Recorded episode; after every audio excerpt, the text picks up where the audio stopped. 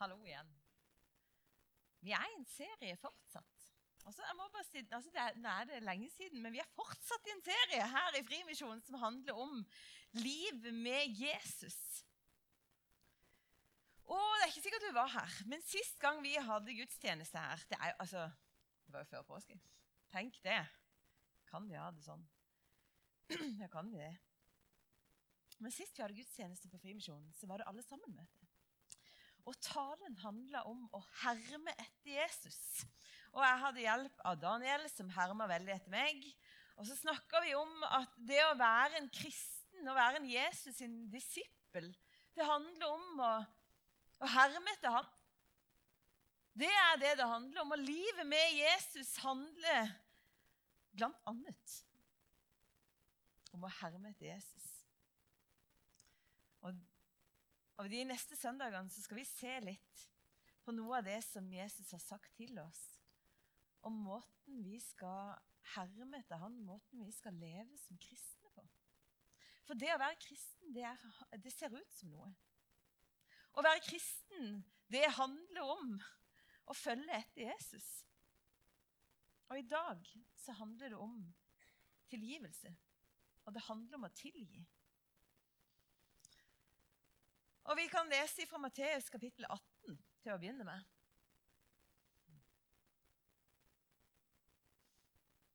Å, Daniel. Kom det. Det var jo himla godt. Ja. Da gikk Peter til ham, altså Jesus, og spurte Herre, hvor mange ganger skal min bror kunne synde mot meg, og jeg likevel tilgi ham? Så mange som sju? Ikke sju ganger, sa Jesus. Men jeg sier det 70 ganger 7. Og det var altså, Uten at jeg skal gå inn så veldig på teksten, faktisk, men jeg skal bare si at jødene hadde tradisjon for å si at tre ganger er nok. Når du skal tilgi noen, så hadde de som tradisjon tre. Tre var liksom tallet for det du skulle tilgi. Etterpå det skulle du altså da Ferdig.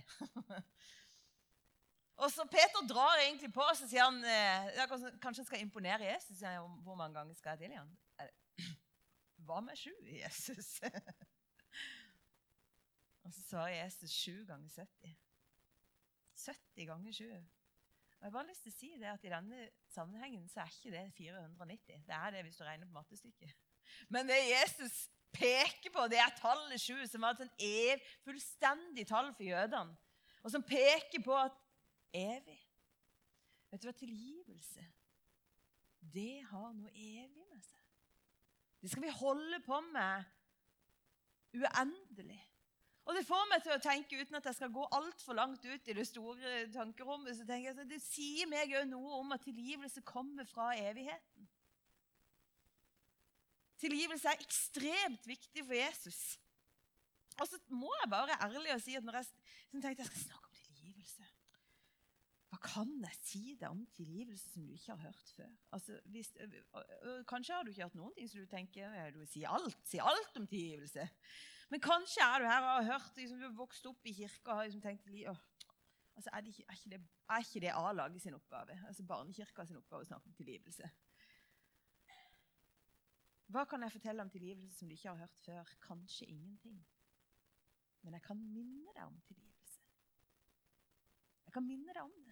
Og Det er jo det vi holder på med her i kirka. Vi minner hverandre om det, vår, det kirka har minnet hverandre om i 2000 år, at Jesus lever. Og at han har lært oss en vei å leve på. Så det er ikke sikkert at jeg lærer deg noen ting nytt, men kanskje er det bare en kveld eller en kveld. Ja, se der. En dag hvor jeg får minne deg på det. Hva er tilgivelse? Skal vi alltid tilgi? Jeg skal i hvert fall fortelle deg noe om hva tilgivelse ikke er. til å begynne med, bare for å få rydda det. Tilgivelse er ikke å minimalisere eller mindregjøre skaden som er gjort. Det er ikke tilgivelse. Tilgivelse er ikke å si at 'nei, det var ikke så farlig'. Det var ikke dumt likevel. Det som er skjedd, er skjedd, og det kan ha vært og kan være forferdelig alvorlig og ha enorme konsekvenser. Tilgivelse er ikke å si at det er OK. Det går bra. Det går bra. Det er ikke sikkert det gjør det. Det er ikke sikkert det går OK med oss og med deg eller med meg når noen har forbrutt seg mot våre grenser. Og Tilgivelse handler ikke om å si at det var ok. Og tilgivelse er heller ikke å si at ansvar ikke skal tas. Kanskje er du der at du tenker du blir provosert bare av nevne tilgivelse. At noe har skjedd i livet som var katastrofalt. At noen har forbrutt seg mot ditt liv og mot dine grenser som, på en måte som gjør at det er litt sånn umulig å tenke seg. Kanskje det er sånn ubehagelig at du tenker hadde jeg visst det var det temaet, så hadde jeg ikke kommet. Jeg vil bare si at det har jeg respekt for. Og min hensikt med talen er ikke å tvinge deg til å ta et valg som du ikke er enig i eller komfortabel med. Du kan stappe helt av der du sitter. Jeg skal bare snakke litt om tilgivelse. Tilgivelse er ikke å betrakte som en lettkjøpt greie. Det er ikke en enkel sak. Og jeg vet, for det har jeg erfart sjøl, at det er ikke alltid en enkel prosess. Og hvis du skulle ha behov for en prat etter denne talen, i dag eller i en av dagene som kommer, så vil jeg gjerne snakke. Enten det er for å oppklare noe, eller om det er noe annet som du tenker at dette må jeg egentlig få prate med noen om. Du skjønner at jeg er på innledende kanskje? Ja. Det fins mye som er sagt om tilgivelse. Og eh, denne talen har ikke en veldig terapeutisk form. Og kanskje tenker du òg det at jeg ikke, altså det, nei, nå sier du ikke nok om prosessen og hvor vanskelig det er å tilgi. Og det er, kan nok være sant i denne talen. Det vet jeg ikke ennå. Men jeg har bare lyst til å si at det er viktig. Det er viktig å vite at dette handler om prosess, og at det er ikke lett. Og Likevel så er det ikke det jeg har til hensikt å si i dag, for i dag så har jeg så lyst til å snakke med iver og med begeistring om tilgivelse. Det vil jeg gjerne gjøre, og det håper jeg er ok for deg. For hva er greia med tilgivelse? Hvorfor er det så viktig? Hvorfor er det sånn at Jesus snakker og snakker og snakker om tilgivelse? For På den ene sida kan jeg si noe om det.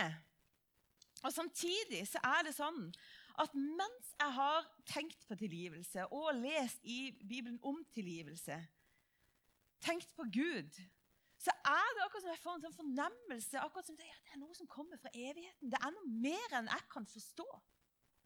Og i går så tenkte jeg det er akkurat som jeg, jeg har lyst til å plassere tilgivelse i mysteriet. I kategorien mysteriet. Og Vi bruker gjerne begrepet mysteriet når vi snakker om Jesus. Og Det gjør vi fordi vi kan si noe om han, og samtidig så klarer vi ikke å beskrive fullt ut dybden av hva som er sant om han. Det er et mysterium. Det er et mysterium at han er oppstått. Det er et mysterium at han kan gjenopprette og sette fri. Han er et mysterium. Jeg blir ikke helt klok på han alltid. Jeg forstår det ikke alltid. Og, og sånn kjenner at sånn har jeg det òg i møte med tilgivelse. Hva er det for noe? Men jeg aner at uh, tilgivelsens vesen har noe mysterium i seg. Hva er det som skjer når noen blir tilgitt hjelp? Skal jeg si det? Skal jeg si noe om det? Jeg vet ikke om jeg kan, men jeg kan prøve. For Et enkelt bilde på hva som skjer når vi tilgir noen, det er at vi gir slipp på noe. Jeg tenkte på den her Frost. Let it go, let it go. La det, la det gå.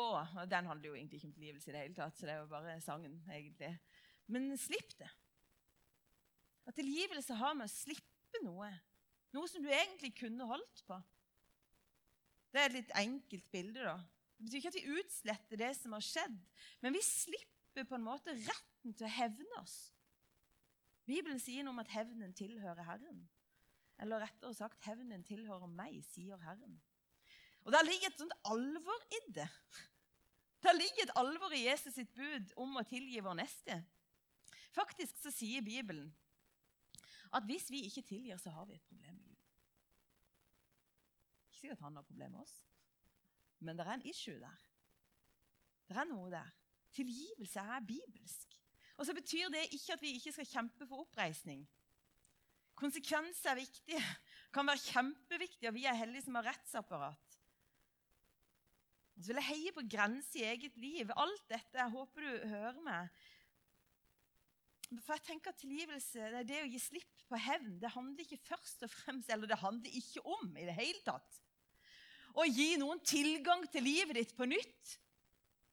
Men kanskje kan jeg si at det handler om å gi deg tilgang til et område som har vært okkupert. Og det vil jeg si noe om. Vi hadde nemlig, vi har Hver torsdag så har vi åpen lunsj her. Og Det er ikke sånn at det kommer kjempemange der hver gang, men det er ofte veldig fine samtaler. Og For ikke så veldig lenge siden så hadde vi en utrolig fin samtale om tilgivelse. Og eh, Lillian var med på den. Jeg fikk lov til å bruke det samme bildet som vi endte opp med å lage sammen. Eh, for Vi snakket om hva er det å tilgi, da.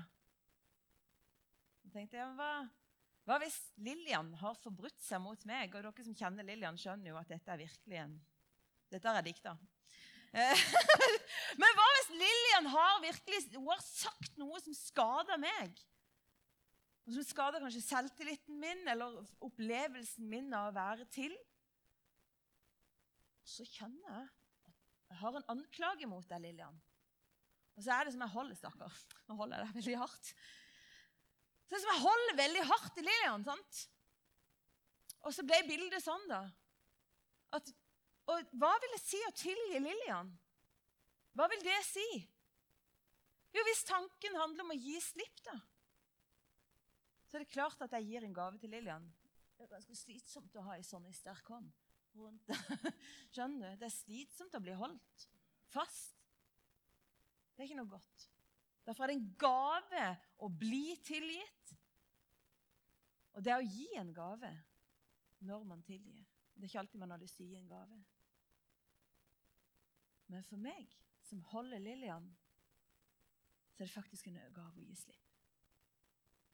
For plutselig så er det et sted i mitt liv da, som har vært okkupert av en anklage som jeg hadde til behov og trengte å rette mot noen. Så er det plutselig plass til noe annet. Jeg håper du er med på det bildet. Det handler ikke om at du skal gi masse tilgang til deg på nytt. Men kanskje skal du gi deg sjøl tilgang til en del av livet ditt som har vært okkupert. Når vi snakker om tilgivelse det er viktig å tilgi. Det gir plutselig noe mer rom. Og For noen så har det blitt sånn, bare, liksom, bare for ikke at vi ikke skal havne i sånn gale, galegrøft for noen, noen, kan havne i sånn grøft. 'Å, Guri, da må jeg tilgi masse. Hvem skal jeg tilgi? Hvem skal jeg tilgi? Hvem skal jeg tilgi?' Jeg må lage mer og mer plass. så jeg har lyst til å si ikke bli ko-ko. Ikke bli ko-ko og drive og leide og leide og leide og Dette etter det neste du skal tilgi, sånn at du på en måte ikke tenker på Kanskje du slutter å tenke på Jesus, eller slutter å tenke på andre ting som er viktig. Men vit at det er viktig. Og, når, og jeg tenker at de fleste av oss vet det. Og hvis ikke så har jeg lyst til å si, si det til Gud. Spør han. Hvem er det jeg trenger å tilgi? Det måtte jeg gjøre før denne talen, faktisk. Og eh, sannelig så dukka det opp en tanke. Men hvem er det vi skal tilgi? Noen ganger så er det sånn at jeg trenger å tilgi andre. Vi må tilgi de som vi er i relasjon med. tenker jeg. Da er andre et stikkord. Og Jeg har en historie på det som du skal få høre litt av. Fordi at eh, For mange år siden så hadde jeg en person som eh, i, i, livet mitt det vil si Han var egentlig veldig perifer, men han, eh, han eh, gjorde en del ting som traff veldig sentralt i mitt liv. Og som var med på å ødelegge en relasjon som var veldig veldig viktig for meg. Jeg var rasende på denne mannen i lang, lang tid. Han hadde forbrutt seg inn i mitt liv, på mine grenser, i mine relasjoner. Systematisk var det blitt en utrolig vond opplevelse. Og jeg var, og jeg har det sånn Jeg vet ikke hvordan du har det, men jeg kan bli, jeg kan bli rasende. Ofte så er det inni her, så du, det er ikke sikkert du vet om det. Men, øh, og det er ikke deg jeg er rasende på, da kan du ta det helt med ro. Nå skal jeg heller ta en ordentlig prat. Men skjønner du, men det, øh, for, for det noen, Av og til så tenker at noen noen eksploderer, og noen imploderer. Her har en tendens til å eksplodere, og det gjør det jo i tankene mine. At det eksploderte bare tenkte på han. Blir rasende på ham. Og jeg nå, setter jeg ikke meg sjøl noe godt lys, men det trenger jeg heller ikke gjøre. fordi jeg er den jeg er. Og i hvert fall så var det sånn at han her han ble til slutt i min tanke da, nesten sånn grunnen til alt som var ille. Jeg, altså, det, var ikke, det, var ikke, rett at han fikk skylda for alt, men det var noe som var helt rett. Men jeg, jeg tenkte at jeg hater han. Og så venter meg til noe som er helt forferdelig. Nå skal du høre. Hver kveld. Etter at jeg hadde, jeg har en sånn tradisjon som jeg har med meg fra mine foreldre, det er å be Fader vår. da. Ikke alltid jeg husker å gjøre det, men, men jeg var nå god på den periode som student. og dette, og dette var da. Eh, etter jeg hadde bedt Fader vår, så begynte jeg å tenke på han her. Vi kan kalle han for Per, men han heter ikke Og jeg tenkte på han, og så begynte jeg å se for meg at jeg traff han. Og jeg så for meg at jeg traff han, og hver gang jeg traff han, så hadde jeg noen helt enorme muskler. Jeg banka skiten ut av han. Jeg var så sint på han. Og jeg, jeg har lyst til å si at på en måte så tror jeg kanskje jeg trengte det. For jeg trengte på en eller annen måte i hodet Det er sikkert masse jeg kikker på deg som psykolog, det er sikkert masse man kunne sagt om psykologien i dette. Og det kan være, veldig, det kan være noe lurt som skjer her òg, at man liksom tar kontroll over situasjonen. Og, men ting var bare at jeg, tok litt vel mye kontroll over den situasjonen, så dette foregikk faktisk over år. At Hver kveld så lå jeg og så for meg at jeg virkelig hva jeg skulle gjøre med han jeg bare traff han. Og hvor vondt han skulle få det, og hvilke vonde ord jeg skulle bruke for å knekke han så vanvittig ned, så han kunne kjenne på hvor fornedrende det føltes. Sånn hadde jeg det. Og det blir nesten som en rus for meg. Herved. Kom an. Jeg var nesten klar for den kampen. skjønner du? Hun kunne hisse meg opp på det. Og så var jeg på et møte hvor det ble snakka om tilgivelse, og så fikk jeg lang historie, veldig kort, så du opplever egentlig at Gud sier jeg er litt på tida nå, Ellen Merete. Nå er det på tida. Nå må du begynne å tilgi ham. Og jeg skjønte heldigvis at det var Gud, for ellers tror jeg ikke jeg hadde gjort noe. Eh, men jeg begynte hver kveld, og etter jeg hadde bedt Fader vår, så sa jeg og så tilgir jeg Per. Amen. Og etter jeg hadde sagt amen, så fortsatte jeg å banke. Hører du hva Nei, det går jo ikke. Dere har ansatt meg. Men skjønner du, det foregikk noe oppi her som ikke var helt bra. Og det foregikk ikke i én dag og ikke i ei uke. Skal jeg si deg hvor lenge det foregikk? Det foregikk i et år. I et år, mer eller mindre hver dag, så ba jeg eh, en bønn. Tilgi han i Jesu navn. Amen. Og boom! Der fikk han seg en på trynet. Mentalt. Ikke på ordentlig. Det hadde blitt krise hvis jeg hadde møtt han faktisk. Eh, på den måten. Men tingen er bare at plutselig, jeg husker ennå den dagen hvor jeg lå i senga mi. Og så, og så hadde jeg bedt og sagt noe til Jan i navn. Og så var det nesten så jeg var klar for å ta ham. Så klarer jeg ikke å finne sinnet mitt. Jeg finner ikke sinnet mitt. Det var nesten så jeg ble skuffa. For følelsen var et tomrom inni meg. Jeg hadde sluppet taket. Det var en lang prosess.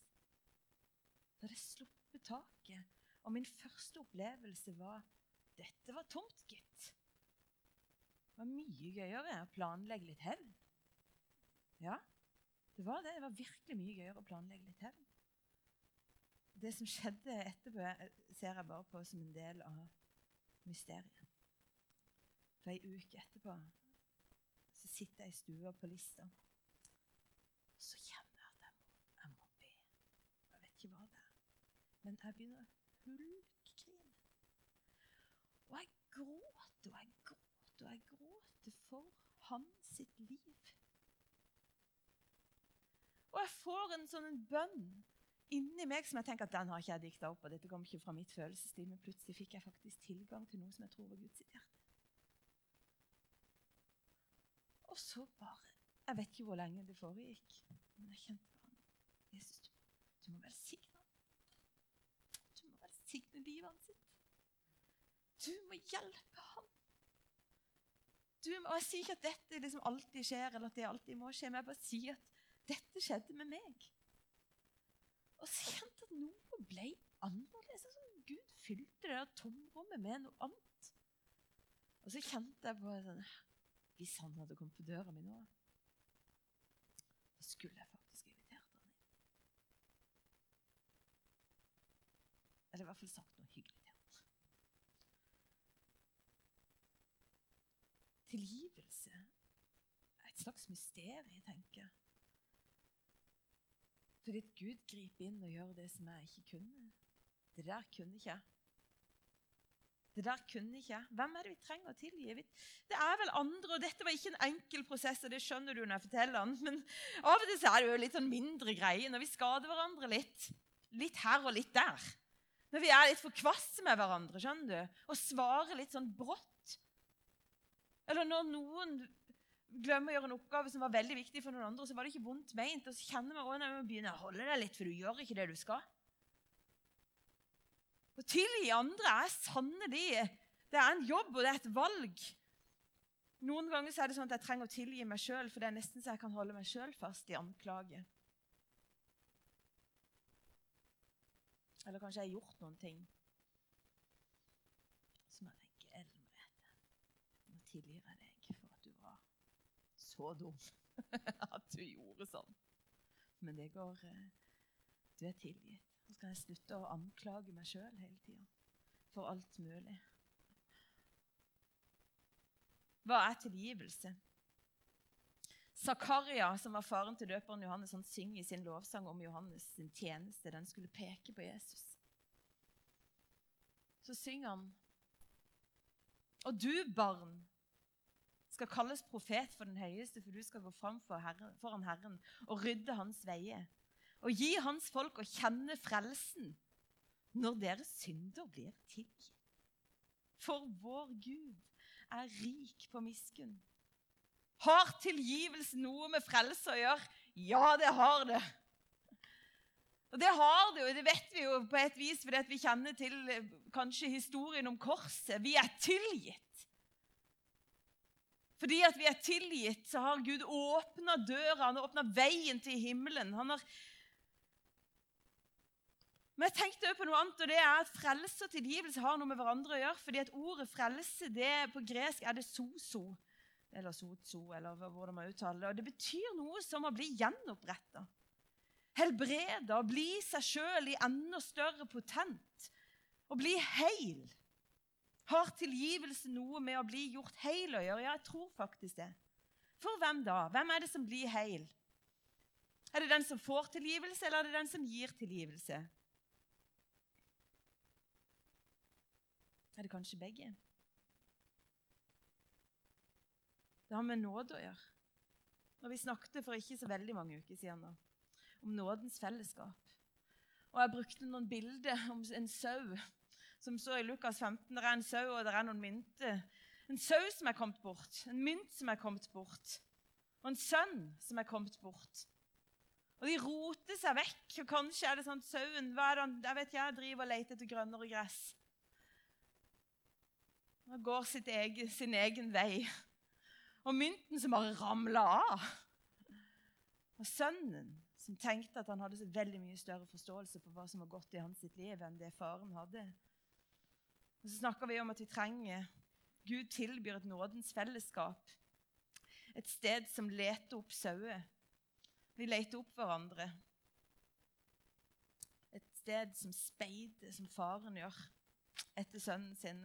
Et sted som som er klar for å ta imot, som løper i møte, og som gir kjærlighet, som går over grenser for å elske den andre.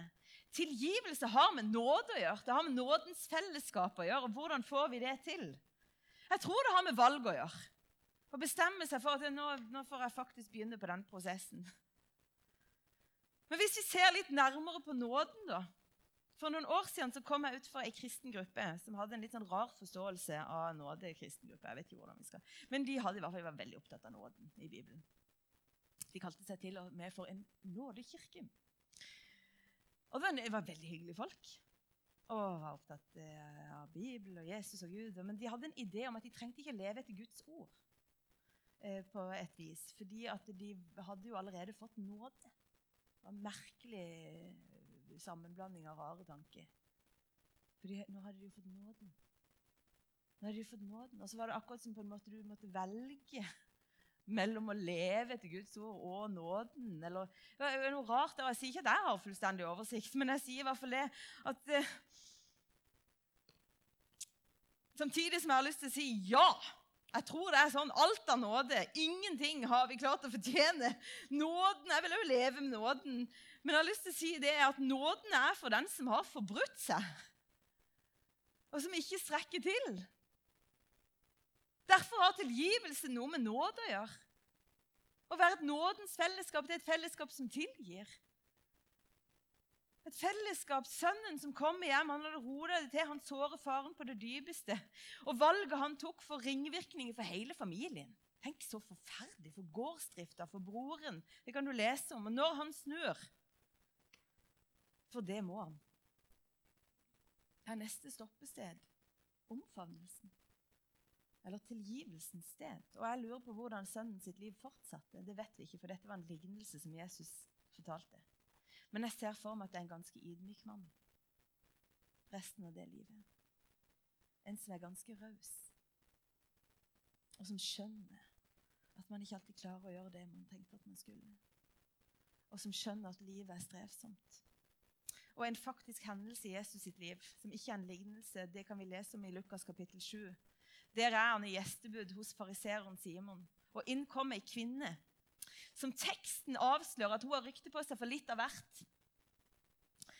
Og Hun kommer bare inn i fariseeren Simon sitt hus og begynner å fukte Jesus sine føtter med tårer. Det er jo så rart at det er jo ikke til å begripe.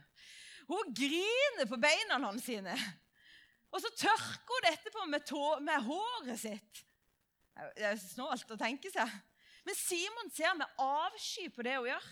For han tenker Hadde du visst, Jesus, hvem hun er? No good. Sånn er det kanskje hvis man er en fariseer som tenker at man strekker til på egen hånd.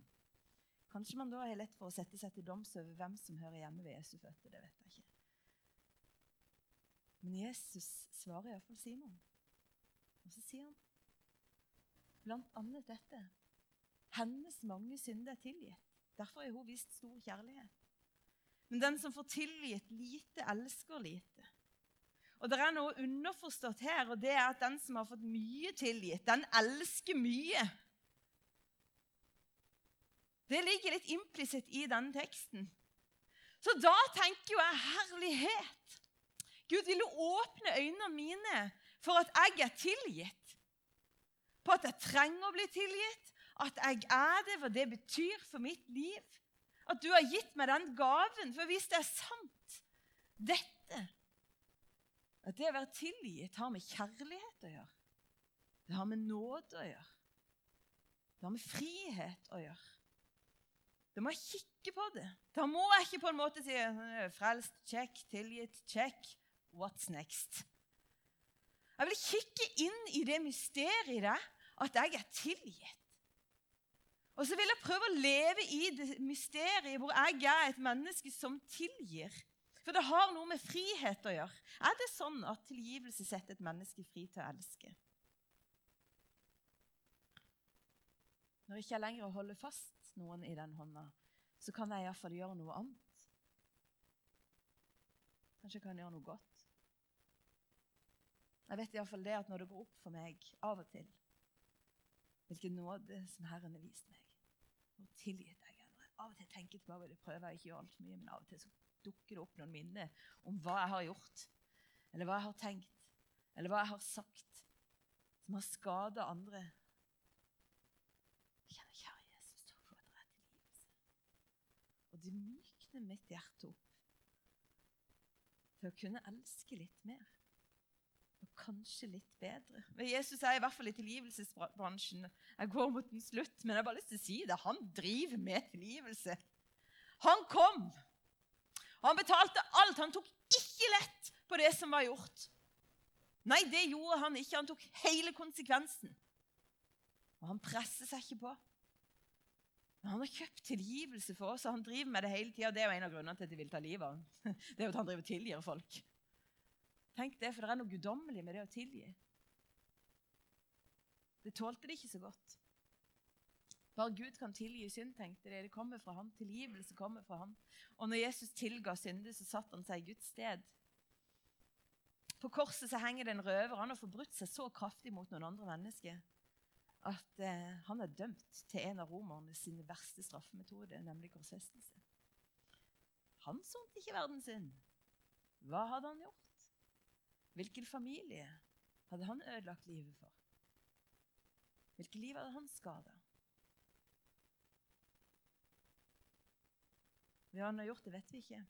Og På korset så snur han seg mot Jesus, og så klarer han ikke engang å be om tilgivelse med ordene. Han sier bare 'Jesus, tenk på meg'. Så er Jesus heldigvis den som kan tilgi alt. Det mennesket ikke kan tilgi. Det kan Gud tilgi. For Jesus snur seg mot ham og sier i dag skal du være med meg til paradis. Og Det er en trøst for meg. At hvis noen skulle ha det sånn at de ikke kan tilgi meg, så har jeg tilgivelse hos Gud. Og så er det en trøst for meg når jeg strever med å få til å tilgi. Så kan jeg tenke meg, Gud, du må tilgi dem. Kan du hjelpe meg det? Og Jeg ser for meg at han bare klipper strenger som holder folk fast. I Kolosserbrevet så står det Dere er Guds utvalgte, hellige og elsker ham. Kle dere derfor i inderlig medfølelse og vær gode, milde og ydmyke og tålmodige, så dere bærer over med hverandre og tilgir hverandre hvis den ene har noe å bebreie den andre med. Som Herren har tilgitt dere, skal dere tilgi hverandre. Det ligger et enormt alvor. Og så tror jeg jo at det ligger en enorm invitasjon når Jesus minner oss om å leve i tilgivelse. Jeg tror det er en enorm invitasjon til å være et folk som er prega av frihet. Som er prega av frie hender, som er ledige til å velsigne. Å være et menneske som tilgir, det er mennesket som har hender som, henne som kan velsigne. Og så har vi noe å gi denne verden. Og det er gave. Og sier det går an. Der fins frihet her. Det er en invitasjon her til å være et folk som bærer mysteriet. Og som bærer det himmelske der hvor vi er. Til å erfare det sjøl. At vårt hus skulle være sånn. At vi er overbærende med hverandre. Og at vi er kjappe til å ta det opp og tilgi hverandre når det er noe. At det ikke blir en sånn surmulingsmenighet. Men at folk skal kjenne det. At her Se hvor de elsker hverandre. At de tåler hverandre. Den gjengen der, det er ikke til å tro. Men det gjør de. Hvem er det som er sentrum hos de? Hvem har vist de livet?